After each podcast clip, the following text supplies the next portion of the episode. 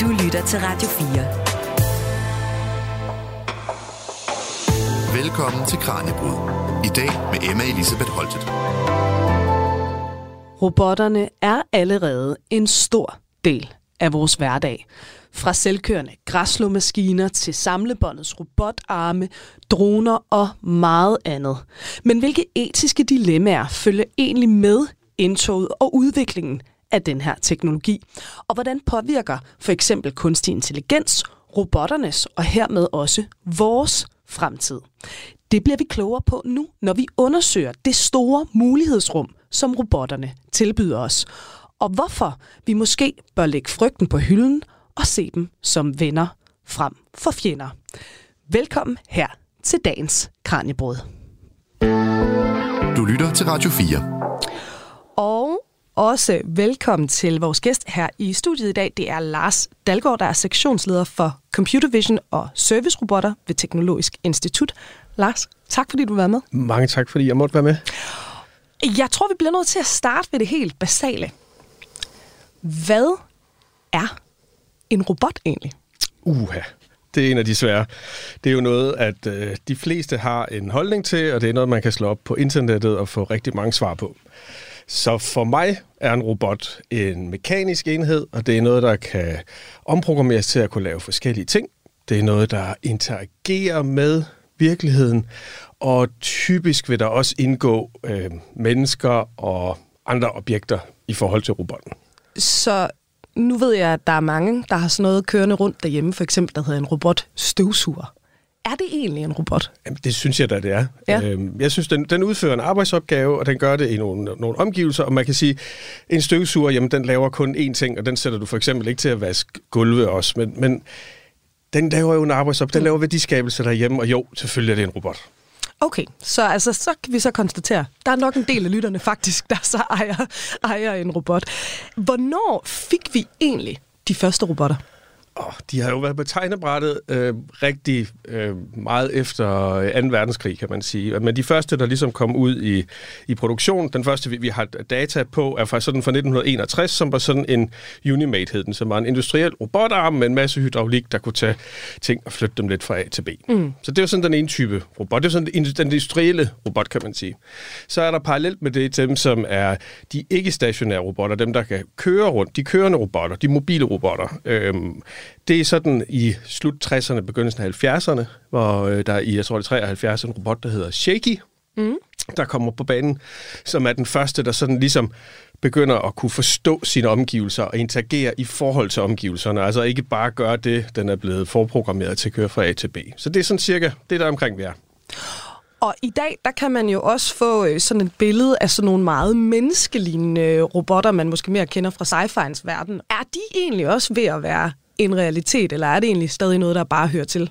På film? Nej, de er, de er ved at komme, helt sikkert. Øh, nogle af dem er, er mere menneskelige end, øh, end, end andre robotter at se på. Øh, du kan jo godt have en robot, der ikke ser særlig, menneske, særlig menneskelig ud, men som har ben for eksempel. Mm. Øh, så er den nederste del lidt mere menneskelig. Du kan have robotter, der er, har fuldstændig identiske øh, ansigtstræk med mennesker og, og ligner og taler agerer som mennesker, men som måske ikke kan gøre så meget avanceret derude. Så der, der er sådan et der er ikke et entydigt svar på det. Der kommer flere humanoide robotter, som vi kalder det. Øh, nogle af dem finder man ud af, at det var sgu ikke så praktisk med, med, med, med ben, så sætter man hjul på i stedet for, fordi så kan de køre rundt og have lidt mm. mere stabile.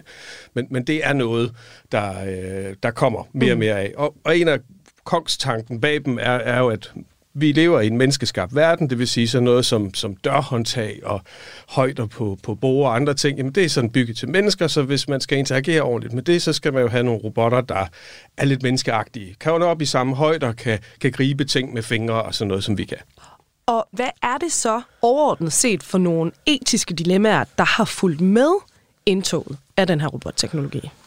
Der er jo mange igennem tiden. Altså de første har jo nok været, været den klassiske med, med tab af arbejdspladser. Det har været det, de første har været, været nervøse for. Ikke? Nu kommer der en robot, der kan overtage det arbejde, jeg udfører.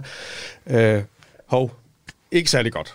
Altså, det, det er sådan ligesom nummer et. Øh, den er vi ved at have fået, fået manet godt i, øh, i jorden efterhånden. Øh, men den har hængt på i rigtig mange år. Mm. Øh, I takt med, at vi har fået robotter, der er kommet tættere på mennesker, så den mere social interaktion, øh, er der også kommet øh, en del etiske overvejelser omkring, øh, at, at det er det rigtige at gøre, når vi tager en, en robotsæl og sætter ud til, til fru Jensen, som er gammel og som er dement. Øh, bliver hun så narret til at tro, at det her det er et levende væsen, øh, i stedet for det menneske, der ligesom kunne have taget vare på hende. Det er også nogle af de ting, der ligesom er kommet i spil. Så der er, der er en hel del, kan man sige. Øh, men det med tabet af arbejdspladser er nok sådan hoved, hoved man sige, den, der har vægtet tungest i hvert fald i mange år. I forhold til det her med sådan frygt for tab af arbejdspladser osv., som du siger, det er jo viser sig ikke at være et problem. Så hvorfor bliver den ved? Der er mange forklaringer på det. Jeg tror, at, at noget af det ligger i, øh, i kommunikation. Og manglende forståelse for, hvad robotter kan, og hvad de skal og bør bruges til, kan man sige. Øhm, det giver lidt nogle barriere, når du tager en teknologi og siger, den her den kan udføre en arbejdsopgave, folk føler sig troet, og så fortæller du dem ikke, jamen den kan måske ikke helt lige så meget, som du kan. Mm. Og måske er der stadigvæk brug for dig i det her loop sammen med robotten. Så sker der nogle konflikter, og så er det faktisk fordi, at den behandlingen af det etiske, den etiske problemstilling ikke er helt reel. En, en del af det, når du skal lave et, et etisk resonemang, er, at det skal være meget faktabaseret. Hvad er faktisk? Hvad er virkeligheden? Og, og hvis det på en eller anden måde bliver farvet, nu nævnte du selv sådan robotter fra, fra film, mm. og ofte sci-fi-filmer, ofte har de været onde og forfærdelige og gjort dumme ting med menneskene. Hvis det er det, der er referencerammen for mennesker, jamen, så er det den, de tager med over, når de vurderer en terapeutisk robot, eller en robot, i, øh, der står og laver svejsearbejde ude i industrien. Mm. Og det er nødvendigvis ikke helt fair, fordi det er ikke helt det samme. Så man skal have fakta på plads for at kunne vurdere, om det her det nu er reelt. Så er der en, øh, en stor udfordring i det, man kan kalde glidebaneargumenter.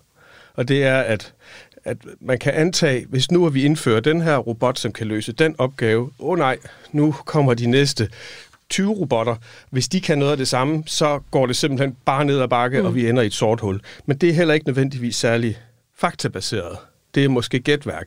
Og hvis du bygger din etiske, dit etiske resonemang op omkring, så er der nogle, nogle argumenter, så er du egentlig lidt på et vildspor. Mm. Og så er det faktisk ikke nødvendigvis en etisk problemstilling, du er ude i.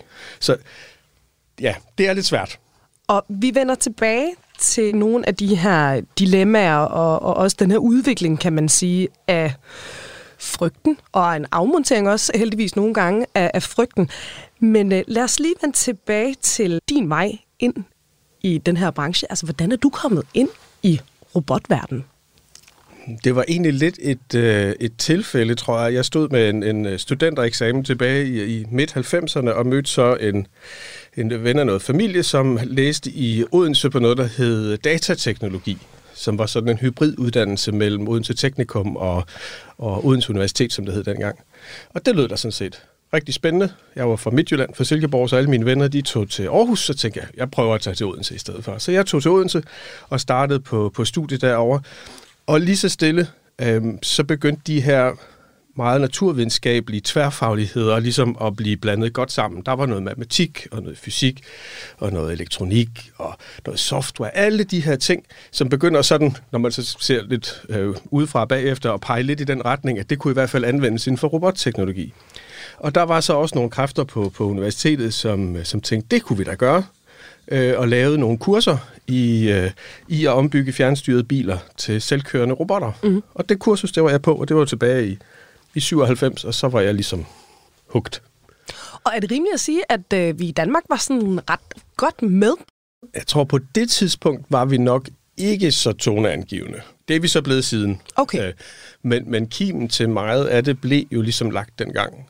Øh, der var en, en god aktivitet på, på DTU dengang. Det var ligesom der, der var noget robotteknologi. Der var en smule i Aalborg, og så startede vi lige så stille op på det her i Odense. Øh, men det er jo så tilbage i slut 90'erne. Øh, og det var ret...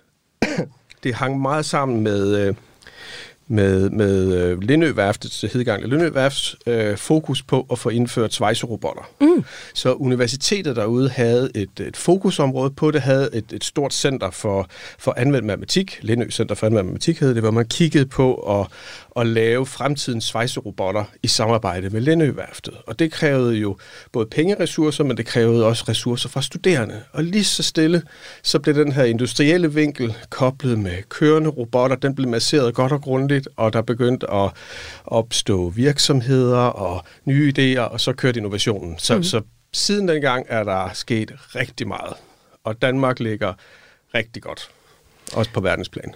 Ja, det er noget af det her, vi godt kan, kan finde ud af. Ja. Hvad er i dine øjne det fedeste ved at arbejde med robotter?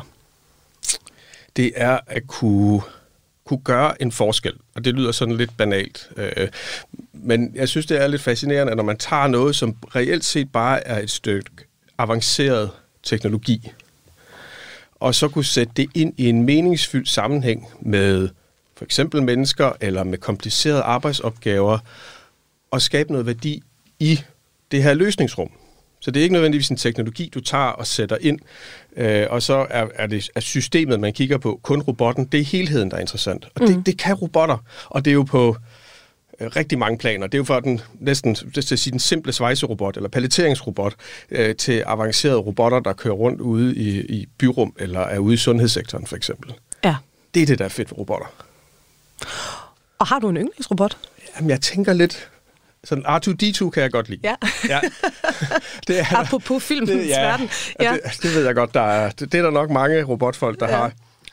Øhm, jeg tænker lidt, at det er fordi, den er sådan en, øh, en perfekt repræsentant for, for den teknologiske hjælper på en eller anden måde. Mm. Den eksisterer jo, fordi den er der for at hjælpe alle vores helte i, øh, i de her film.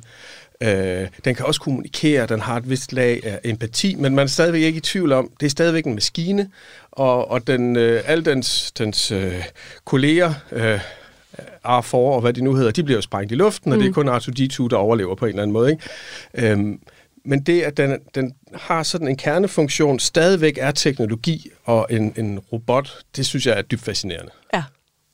Så altså en af klassikerne ja. inden for, for filmverdenen. Beklager, men, ja. øh, men, men jamen altså, han holder jo. Det er jo det, det, det, er jo det vi kan se. Ikke? Og øh, nu, vi har været inde på det, at der er jo, og har været øh, den her frygt, kan man sige, der også følger med, når vi, når vi snakker om robotter og også holdning til det. Men hvad er øh, holdningen sådan egentlig typisk iblandt danskerne? Altså ser vi robotter som vores venner, eller som potentielle fjender? Venner, helt klart. Mm. Øh, der, der er sket et, et stort skifte øh, i de sidste 15 år, kan man sige, i den retning. Men, men der, er, der er fuld opbakning på hele vejen rundt, altså helt op til, til ministerier og statsministerier og fagforeninger og fagbevægelser og medarbejdere. Der er, der er modstand, der vil altid være modstand mod, mod teknologi og, og skift, men, men jeg tror, at med, med den store mangel på arbejdskraft, der er i øjeblikket, øh, mangel på, på varme hænder, der er også mm. nogen, der kalder det, hvis vi er ude i plejesektoren, jamen folk ved og, og tror på, at teknologien er, det er en, en vej til at løse det her. Mm. Øhm, og når vi har, har medierne med, når medierne fortæller de historier, også faktabaseret, øhm, så, så er det ikke bare gode historier, så er det faktisk virkelighed. Øhm, de virksomheder, der, der automatiserer i dag, jamen de siger også, at det, det er vejen frem. Altså mm. dem, der ligesom har set lidt lyset, det, det baner altså vejen. Og når 70 procent af dansk erhvervsliv, de bruger i hvert fald i fremstillingsindustrien, bruger robotteknologi i dag, mm. jamen så er der 70 procent, der er ambassadører over for de sidste 30 procent, der ligesom mangler at komme med på vognen og kan fortælle om de gode sider og de dårlige sider. Øh, folk mister ikke deres job, de bliver muligvis opkvalificeret. Det kan godt være, at den arbejdsopgave, som du lavede før, som du fik ondt i ryggen af, den har du nu en robot til at hjælpe dig med at løse. Du bliver nu robotansvarlig i stedet for, og du skal opkvalificere, så måske får du mere i løn, og måske ansætter vi tre nye medarbejdere, fordi produktionen den er stigende. Der er, der er grønt lys hele vejen rundt. Så robotterne er altså en del af vores hverdag, og det øh, bliver de ved med at være. Og så er det jo også det her mulighedsrum, vi skal snakke videre om her i dag. Hvad er det egentlig, de kan tilbyde os øh, i fremtiden? Nu skal vi til næste kapitel her i dagens program. Nu skal vi se nærmere på det her med, hvad vi egentlig kan bruge robotterne til.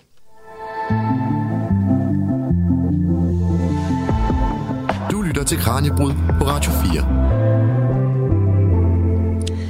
Vi er altså i fuld sving med at blive klogere på robotter, og derfor har vi besøg af Lars Dalgaard, der er sektionsleder for Computer Vision og servicerobotter ved Teknologisk Institut. Og Lars, hvilke robotter har, hvis vi ser tilbage i historien, egentlig gjort en forskel for os mennesker? Altså, vi kan jo tage de to, de to første, vi snakkede om tidligere. Unimaten fra, fra 61, som ligesom var, var industrirobotten, og Shakin, som var mere den, den mobile robot, der mm. kunne køre rundt. Det er ligesom, der er nogle grundsten. Men beklager, men vi, vi er nødt til at have fiktionen lidt med i det her, fordi ja. de betyder altså også noget, og har betydet meget for den opfattelse, folk har af det, om det er helt tilbage fra HAL 9000, fra Space Odyssey også, eller om det er R2-D2, eller det er Terminator, eller det er Data fra Star Trek for eksempel, ikke? hvor der pludselig kommer en stemme og interaktion, filosofiske spørgsmål og de her ting. Det er også robotter i gåseøjne, som har haft en ret stor indvirkning mm. og lagt kimen til vores fælles forståelse, været med til at diskutere nogle af de her øh, problemer, udfordringer, der kan være, også af etisk karakter. Øhm, så vi har taget dem til os som, som robotter. Mm. Så et eller andet sted skal vi ikke øh, diskvalificere dem som værende kandidater til at være robotter, der har betydet noget. Øhm, der er jo selvfølgelig nogle, nogle tekniske kvantespring også hen ad vejen. Ikke? Hele øh, NASA's Mars-projekt for eksempel, ikke? hvor ja. man har så Journey og Perseverance og alle de andre, der er sendt op, som er repræsenterer jo på, på mange måder sådan det ypperste af, hvad, hvad vi kan teknologisk. Ikke? Man sender noget så langt væk, at vi, vi kan ikke bare reparere på det. Vel, det, mm. det skal køre, og det skal virke derop. Øhm, der er nogen, du nævnte selv tidligere, det her med de gående, de humanoide robotter, mm. der lavede uh, Honda, de har kigget på det i mange år, og de kom så der i, jeg tror det omkring år 2000 med uh, Asimo, øh, som var den her gående robot. Den lignede mere en, en mand i en rumdragt med en stor batteripakke øh, på ryggen. Øh, men den kunne gå rundt, den kunne sparke til en fodbold, og den kunne nogle ting, som, som man ikke havde set robotter kunne på det tidspunkt. Mm. Der er kommet nogle, nogle flere kvantespring senere, også med Boston Dynamics. Men... Og så skal vi heller ikke glemme sådan Da Vinci-robotten, som er den her kirurg-robot, ikke, som også kom i omkring 2000. Og jeg tror, at jeg, jeg så et tal for noget tid siden, jeg tror, der er omkring 7.000 på verdensplan øh, i øjeblikket, som bliver brugt i forbindelse med, med forskellige operationer. Og den har altså også været med til at bane vejen for, for rigtig meget af de fremtidige robotter inden for, for sundhedssektoren. Mm. Så hvad er det helt præcis, den kan? Kirurgrobotter? Ja. Jamen, ja, så vidt jeg ved, jeg er ikke ekspert på, på kirurgrobotter, men, men det, er, det er jo at assistere med, med øh, jeg tror, knæoperationer blandt andet. Mm. Øhm, det er egentlig en, en fjernstyret enhed, hvor lægen så sidder i et, et, et rum, men der måske på afstand kan sidde en helt anden by. Der er jo internettet, det er jo rigtig smart. Øh, og så vil jeg have øh, feedback fra, fra skærme og fra det, der hedder sådan haptisk feedback. Han kan måske mærke ved hjælp af nogle sensorer, at der er lidt modstand, faktisk kan sidde og udføre en operation på flere tusind kilometers afstand. Det lyder helt vildt. Jamen, men det er det ja. også, og, og det har man faktisk kunnet siden år, år 2000. Ikke? Så det har givet nogle, nogle nogle ret store kvantespring, både i forhold til det her med fin mekanik, øh, øh, hvordan kan vi styre noget, hvordan interagerer mennesker og robotter bedst, mm. men også i forhold til godkendelser og få taget teknologien til sig. Altså er den operation, som lægen kan udføre med det her system, øh, bedre for patienter end det, som de har kunne gøre uden? Mm. Og det kan man sige, jamen det er det jo sandsynligvis også, fordi du kan have stjernekirurgen til at sidde flere tusind kilometer længere væk, end, øh, og ikke behøver at være, være fløjet ind til det pågældende hospital. Så, så der er noget i, øh, i det i hvert fald. Mm. Og igen, det viser også, hvor bredt det her det egentlig er. ikke. Altså, nu snakker vi kirurgrobotter. Der er jo også altså, droner, øh, selvkørende biler skal vi også ind på oh, ja. senere. Ikke? Altså, det er jo virkelig en kæmpe, øh, kæmpe, kæmpe gruppe, det her, når vi snakker om robotter. Så hvad er det lige nu for nogle robotter, der sådan dominerer markedet? Kan vi sige noget om det? Altså, det kommer lidt an på. Hvis, hvis man tager øh, industrisiden, det er jo, altså robotarmene, det, mm. det er meget der, at de er, de er til stede. Og, og det er jo meget inden for elektronikproduktion, det er meget inden for bilproduktion. Det har man gjort i, i rigtig, rigtig mange år. Øhm, så er der også mere det segment, der hedder øh, servicerobotter. Sådan de professionelle og de... Øh, jeg kunne sige, at sige hjemmegående, det er de ikke, men, men de, de, hjem, de servicerobotterne til hjemmebrug. Mm. Det er ligesom to kategorier, hvor sådan noget som, som øh, transport og logistik er stigende kraftigt stigende øh, inden for både fremstillingsindustri, men også for eksempel på hospitaler eller, eller andre steder. Øhm, der er øh, landbrug og gardneri, der er rengøring, øh, både af, af vinduer, af solceller og af skibsskrov for eksempel. Det kan det også sagtens være. Øh, vindmøller har også brug for at blive gjort rent. Ja. Øhm, og øh, så er der hele hjemmemarkedet. Gulvvaskerobotter, rengøringsrobotter, alle de her ting. Så er vi tilbage til robotstøvsugeren. Yes. yes. Og, og det er stadigvæk, øh, de, de seneste tal, jamen, der har man sådan omkring, øh, jeg tror det var en halv million solgte i 2022 af industrirobotterne. Omkring, jeg tror det var 160.000 af de professionelle servicerobotter, men der er så 5 millioner af de her til hjemmebrug. Hold det er helt klart dem, der dominerer markedet. Så ja. altså robotstøvsugeren og plæneklipperen og gulvvaskeren, og de her, det er det, det der robotmarked egentlig er. Og så har jeg ikke engang kigget på legetøj, vel? Det er sikkert også, også ret stort. Jamen, og det øh, er jo, altså, som vi kan høre, ikke bare et stort, men også et voksende marked, det her. Og apropos robotmarkedet, så synes ja. jeg lige, vi skal høre et øh, indslag. Fordi kringlede regler stikker desværre en kæp i hjulet for robotudviklingen. Det er i hvert fald erfaringen ved virksomheden Cabra Robotics, der laver mobile robotter til for eksempel at feje og fjerne ukrudt fra fortorvet. Fortæller her innovationschef Mads Bent til vores reporter Kasper Fris. Du lytter til Kranjebrud på Radio 4. Det der problem med at få mobilrobotter ud at køre, på, og det er på fortorv, vi snakker om, fordi det er der, hvor færdsloven gælder, og vi må få lov til at køre.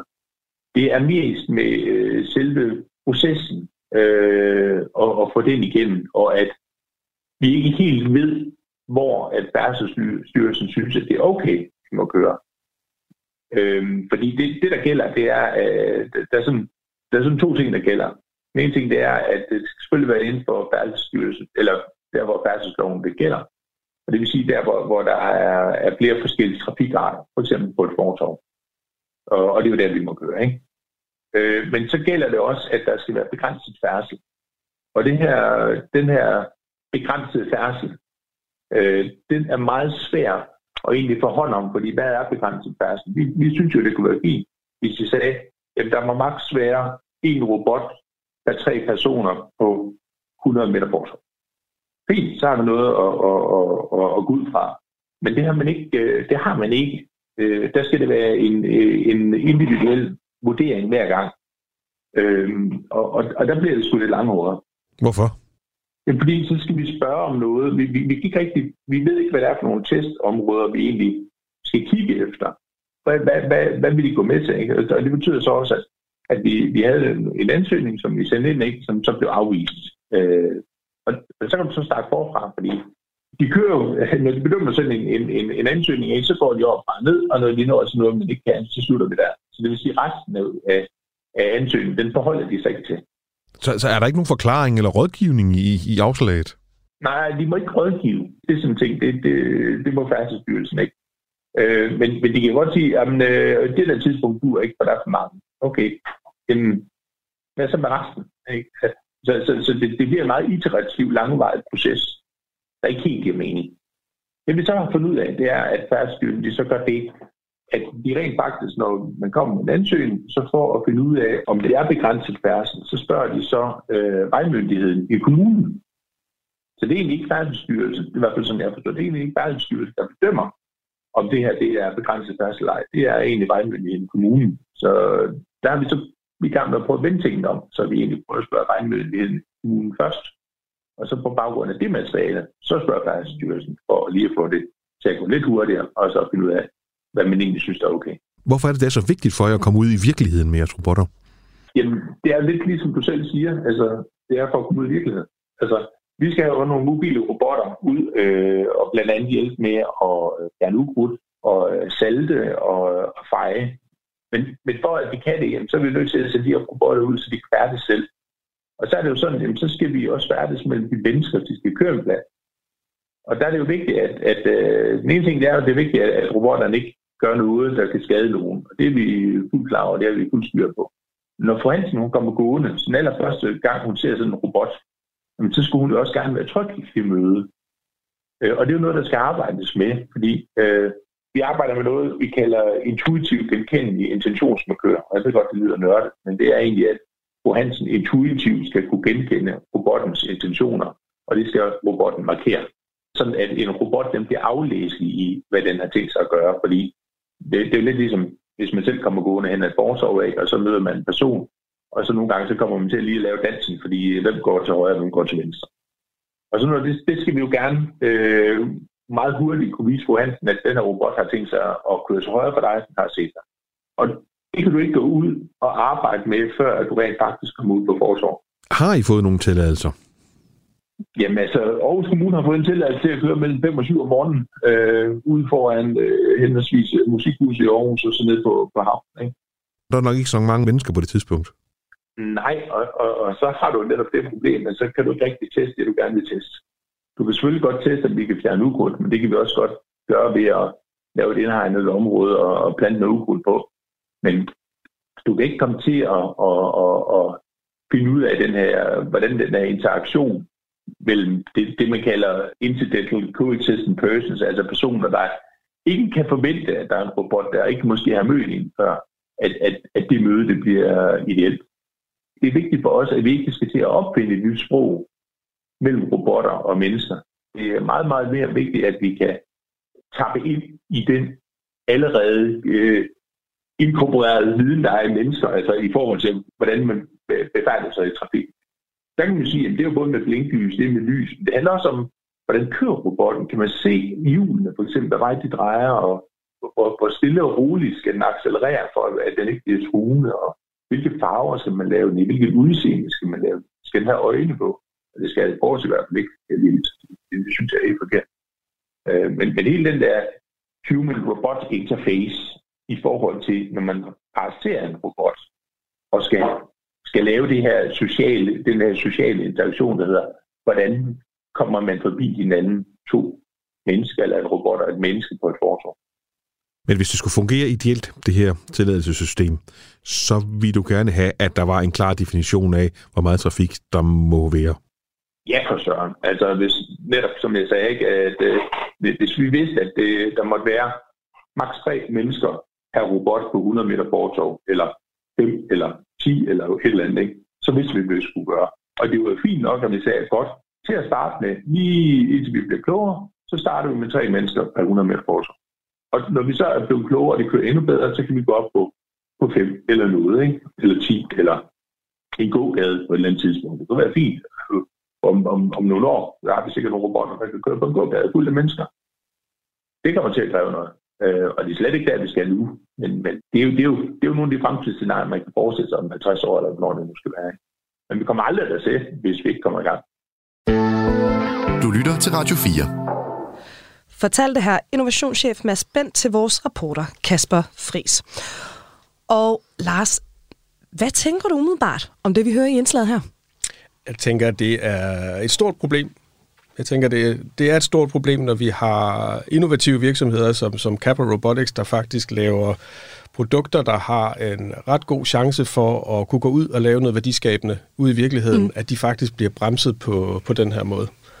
Øhm, og det er et, et problem, øh, som de og, og mange andre også har prøvet ligesom at adressere i, igennem, igennem flere år, øh, og der er vi ikke helt gode nok i Danmark.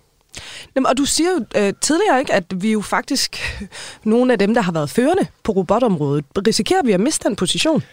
I værste fald, det kunne man da godt forestille sig. Ja. Altså, når, når man øh, snakker med virksomheder, som siger, at de hellere vil, vil flytte til Litauen, fordi der kan de øh, få lov at teste deres robotter i stedet for, så har vi jo et problem. Mm. Øhm, og, og det er jo noget, hvor vi skal... Det, det er jo højt et politisk problem, så det er jo noget, hvor man skal have lavet noget, noget yderligere lobbyarbejde og have fået de rigtige folk i tale for at få, få skubbet lidt på at er, det, er en, det er en udfordring. Og apropos nu begynder vi jo sådan også at kigge lidt ind i fremtiden, kan man sige. Og det her, det er jo øh, et marked, som vi har været inde på, der er meget bredt. Altså det er jo alt fra øh, robotarmen på, på Lindø-værftet, og så til de her humanoide øh, robotter, som øh, ligner os selv. Sådan noget som kunstig intelligens, det er jo også et område i, i rivende udvikling, og man kan jo ikke rigtig snakke robotter, uden også at lige tænke koblingen til kunstig intelligens med, hvordan har udviklingen inden for AI påvirket robotindustrien? Man kan sige, der hvor, hvor den har været i, øh, i, i flere år, altså kunstig intelligens har været brugt i rigtig mange år til rigtig mange ting inden for robotteknologi. Mm. Øhm, I de seneste år har computer vision været en af de store områder, altså evnen til, at man tager noget, noget øh, kameraudstyr, optager nogle billeder af virkeligheden og laver noget processering af det, er ved at være ret robust og ret stærkt i øjeblikket. Øhm, øh, for eksempel har vi ude ved også arbejdet med, med affaldssortering i mange år. Øh, det kan være sådan noget som, at der kommer et transportbånd kørende med en masse affald, som skal sorteres i forskellige fraktioner. Øh, for eksempel øh, enheder, hvor der er batterier i, skal over i en bunke derover, fordi dem kan vi ikke bare putte sammen med plastik mm. og elektronikaffald. Øh, og kunne have en kunstig intelligens-algoritme, der kan genkende fjernbetjeninger er jo noget af det, der vil kunne hjælpe øh, og, og køre sådan en proces meget hurtigere og mere robust. Så, så det har vi kigget på, og det er jo vist ved at være 5, 6, 7, 8 år siden. Øh, at kunne sortere mobiltelefoner fra, for eksempel. Øh, de indeholder faktisk store mængder guld i forhold til, til, til, til, forhold til mange andre ressourcer. Øh, at kunne sortere øh, elementer, som ikke er tomme, for eksempel øh, sådan nogle af de her, øh, hvad hedder de, skumsprøjter, nej, hvad hedder de, polyfylla? Silikonesprøjter hedder det. Ja. Ikke også? Hvis du har en silikonesprøjte, der stadigvæk har noget materiale mm. tilbage i, jamen så må du ikke putte den over i, i plastik til, til genanvendelse, så skal den over i en anden bunke, fordi silikonen den ødelægger osv. osv. Jamen kan man gå ind og lave en, en detektion af det ved hjælp af noget lys og noget billeder og noget kunstig mm. intelligens og sige, jamen sådan ser det ud, når der er noget i, øh, i sprøjten. Så det kan altså ikke bare noget i fremtiden, det er allerede noget, der er en del af robotindustrien. Det, det er noget, vi har brugt, øh, brugt rigtig meget krudt på igennem mange år. Ja. Det, der så er, er sket her øh, seneste, det er en tættere kobling og, og undersøgelse af, om kunstig intelligens kan bruges i forhold til robotstyringer, og ikke mindst robotsikkerhed. Og så er vi lidt over i noget af det, Mads Bent han snakkede om, mm. fordi i bund og grund handler de begrænsninger, der ligger i lovgivningen, også om, at de her robotter sikre. Kan vi regne med, at de ikke gør nogen skade på mennesker og, og dyr og omgivelser? Og der er kunstig intelligens lidt udfordret, fordi ofte er det sådan lidt en black box. Så man kan godt se, at den virker, man mm. kan træne den op, men du kan ikke lige, du kan ikke garantere, at den kan gøre det 100 procent. Måske er det kun 99 procent. Det viser vores test og eksperimenter. Og det er jo et problem, hvis du så skal lave en godkendelse, fordi du kan jo ikke være helt sikker på, at det her system det er sikkert. Nej.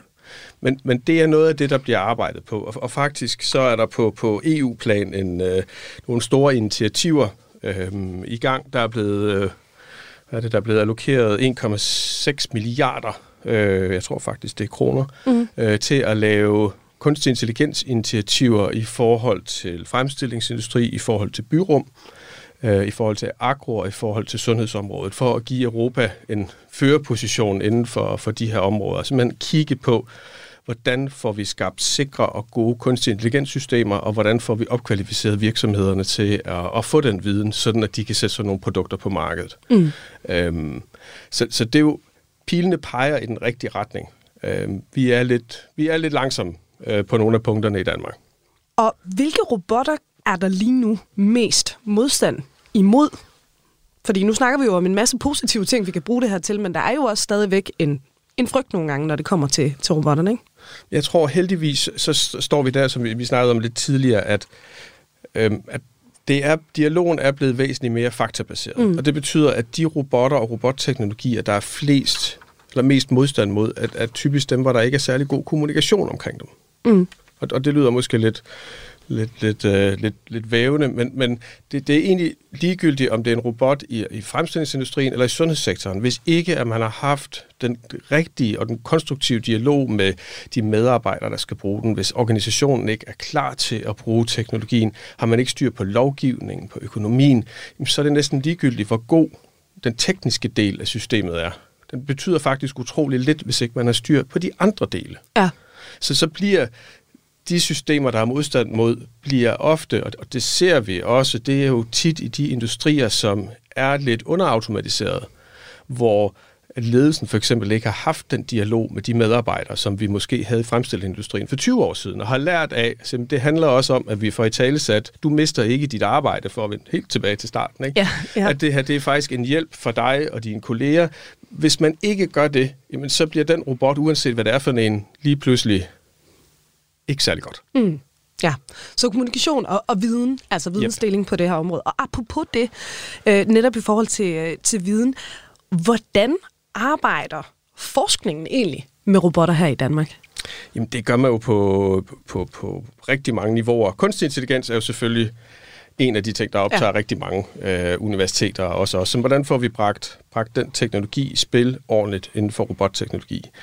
og, og nogle af de ting, man, man ser, er ikke bare computer vision systemer, men det er, hvordan får vi trænet robotterne op til at kunne lave øh, opgaver mere robust og mere pålideligt, end de har, de har kunne gøre før. Mm. Og det er sådan noget, kunstig intelligens kan bruge til.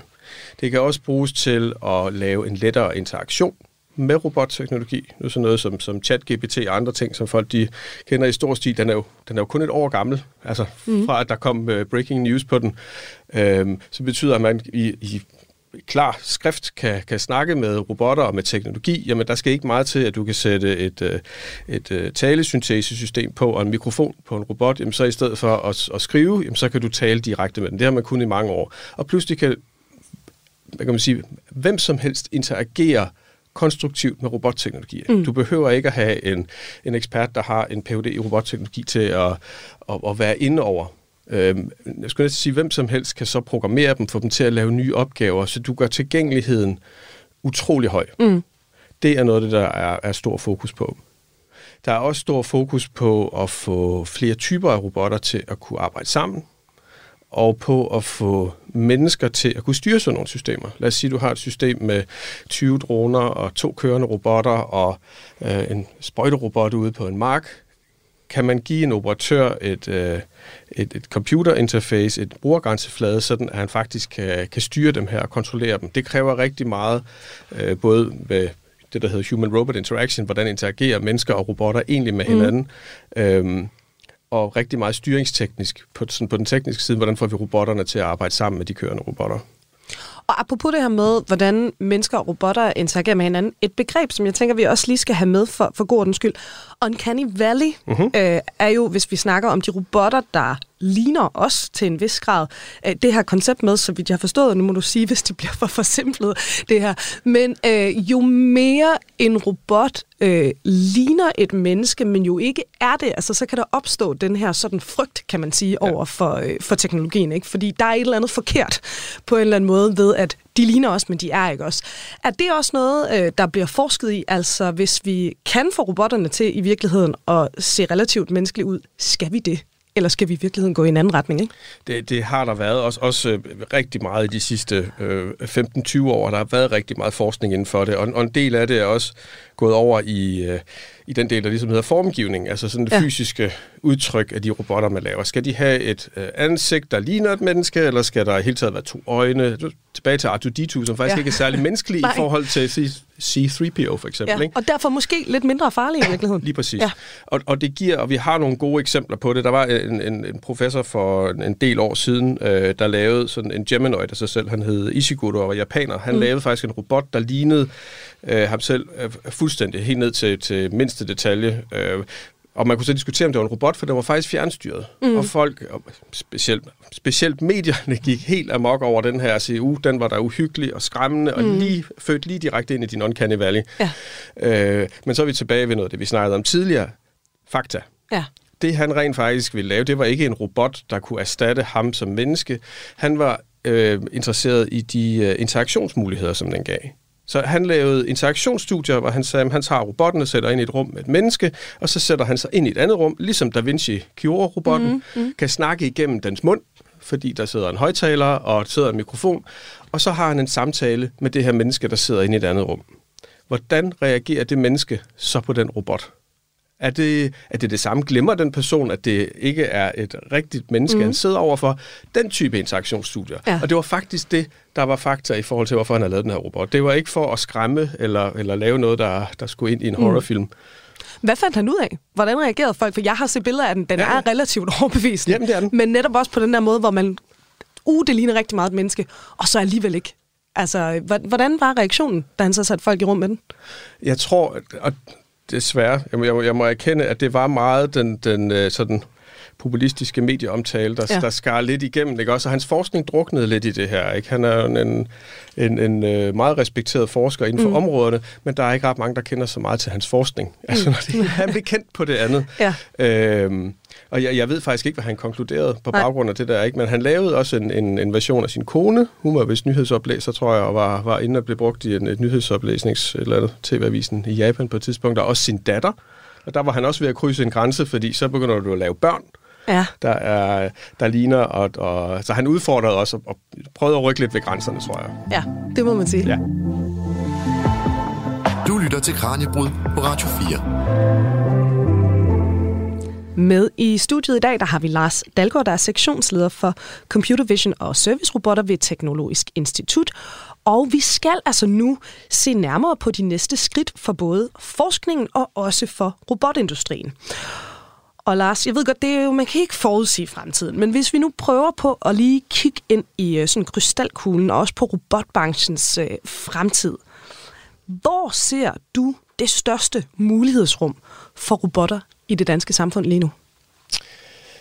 Jeg tror, hvis, hvis man kigger på det ud fra et øh, arbejdskraftssynspunkt, ud fra et produktivitetssynspunkt, mere mere øh, samfunds øh, styrkesynspunkt, så er det inden for fremstillingsindustrien, at, at det ligger helt, helt klart. Og der er stadigvæk meget at komme efter.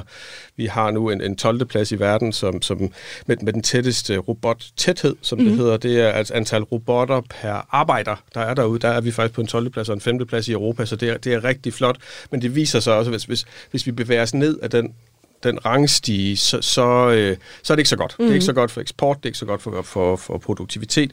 Så, så den del vil vi styrke i højere grad. Vi vil se flere robotter ude på, på virksomheder, som er, er uautomatiseret i dag.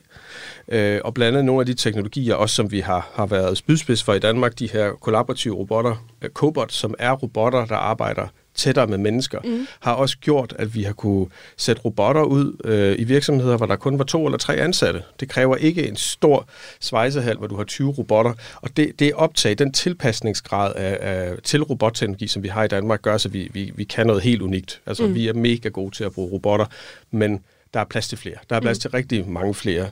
Dem, der allerede automatiserer i dag, jamen, de har set lyset. De investerer yderligere. Vi skal have dem med, som, som der ikke er så meget automatisering i. Og jeg ved, du nævnte også for mig, øh, inden vi gik i studiet, byggebranchen. Ja. Der er også noget potentiale der. Hvordan det? Jamen, der, der er masser af potentiale. Øhm, det er lidt svært at finde ud af præcist, hvad det er, vi skal lave for byggebranchen. Mm. Fordi teknologisk set, som, som vi også har snakket om, jamen der kan vi rigtig, rigtig meget. Øh, men der er også rigtig mange processer i byggebranchen. Går du ud på en byggeplads for eksempel, jamen der er jo, der er jo ikke en dag, der ligner den næste. Og, og det er jo typisk ikke sådan noget, robotter er super glad for. Men, men kan man lave en robot, der udfører en arbejdsopgave sammen med et menneske, altså du kan se det lidt som et, et, et power tool, mm. et ekstra, et, et power tool plus plus, ikke også? Så du har, i stedet for at det er robotten, der overtager arbejdet, jamen så letter den arbejdet for, for mennesket. Hvis man kan identificere de processer, så er der altså noget at, noget at hente, og den er meget underautomatiseret, den branche. Ja, så det er altså et af de steder, hvor der virkelig kunne Der er i hvert fald stort potentiale, ja. og der bliver, der bliver sat rigtig mange kræfter på at, at, at finde ud af, hvad, hvad vi skal gøre derude.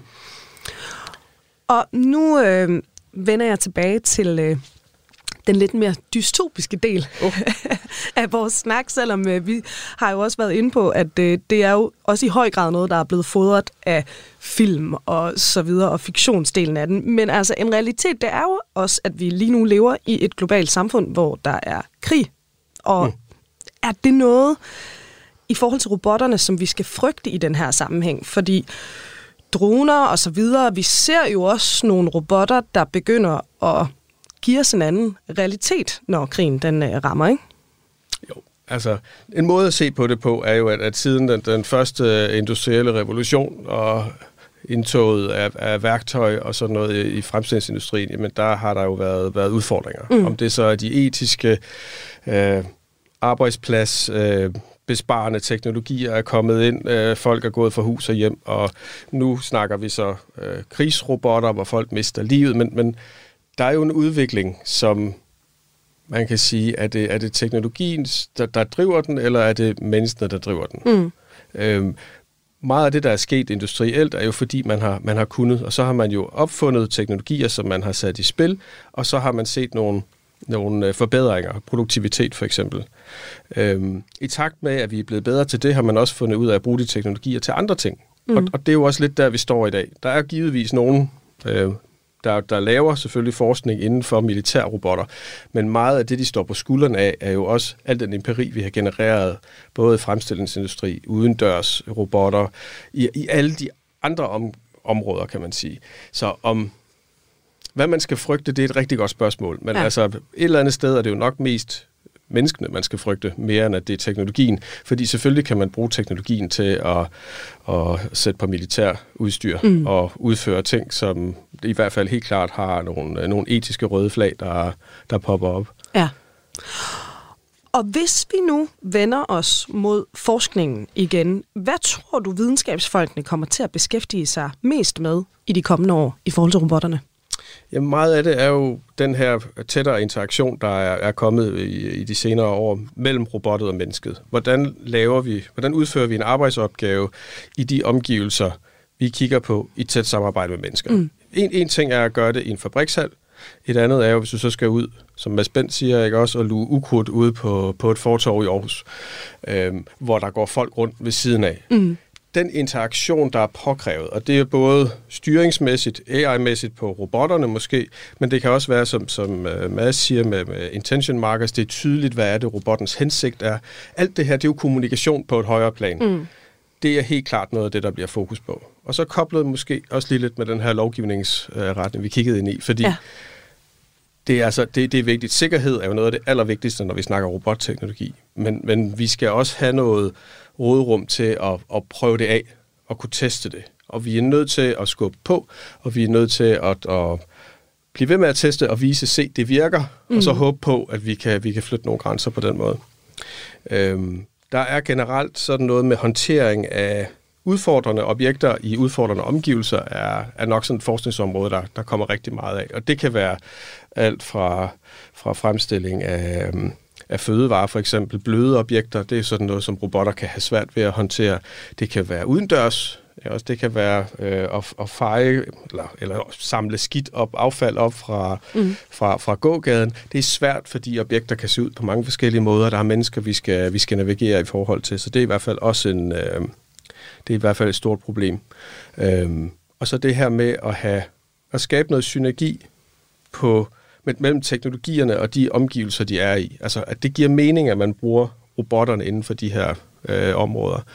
Øhm, der kommer sådan noget som antropologi, antropologi teknoantropologi, og sådan noget, som de vist også kalder det i Aalborg, til at spille en, en, en stor rolle, fordi vi skal ikke længere bare stille de tekniske spørgsmål. Det, det svarer ikke på alt i forhold til at bruge robotteknologien. Vi skal også kunne stille de lidt dybere spørgsmål. Mm. Vi skal kunne lave de etiske afklaringer. Så, så der kommer, det er allerede i dag, men, men der kommer nok i stigende grad forskning inden for, for brugen af robotteknologi, øh, inden for inden for de etiske domæner og inden for de nye tekniske domæner, hvor vi ikke har været før. Mm. Og vi øh, slutter altid programmet her af med, med dagens lektion. Så Lars, hvis nu lytterne de skal tage én ting med fra vores samtale i dag, hvad håber du så, de har lært om robotterne? Jeg håber lidt, at, øh, at det er blevet tydeligt, at teknologi er vigtig. Robotteknologi er vigtig, og det er besnærende og, og fedt. Og det er rigtig godt, at øh, det kan køre rundt på Mars helt alene på en, øh, en gold overflade og udføre arbejdsopgaver. Men, men realiteten er, at skal vi se et større optag af robotteknologi i virkeligheden, mm. jamen så skal man tænke bredere end bare teknologien. Det er vigtigt at tænke systemer lidt bredt. De mennesker, der skal interagere med det, er en, er en vigtig del af det, også når man designer systemerne. Ikke også? Vi snakkede om, hvordan skal den se ud. Jamen, Mhm. det er også en vigtig ting. Det er, ikke, det er ikke nok, at vi har lavet en, en, en robothånd, der kan tage fat i det her objekt, hvis den ser skræmmende ud.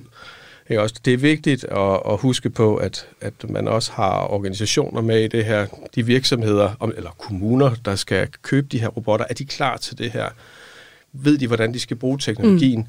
Mm. Øh, hvad skal kommunikationen være ved medarbejdere, med, med patienter, med pårørende, hvis det er i hospitalsektoren og samfundet generelt. Så der er noget, noget bredde der, der egentlig er vigtigere, og det håber jeg lidt er, at, at det der er blevet lidt, lidt tydeligere. Teknologi er godt og vigtigt, men, men man skal også lige have de andre ting med. Det bliver her med ordene i dagens Kranjebrud. Lars Dalgaard, sektionsleder for Computer Vision og Servicerobotter ved Teknologisk Institut. Tusind tak, fordi du var med her i dag. Det var så lidt. Og øh, til dig, der lytter med, vi er tilbage her i morgen kl. 12.10. Der bliver vi klogere på sladder i Reddit-trådet. Og hvis du har et spørgsmål eller et tema, som vi skal tage op med eksperterne her i studiet, så skriver du bare ind til os, og det gør du på kranjebrud radio4.dk.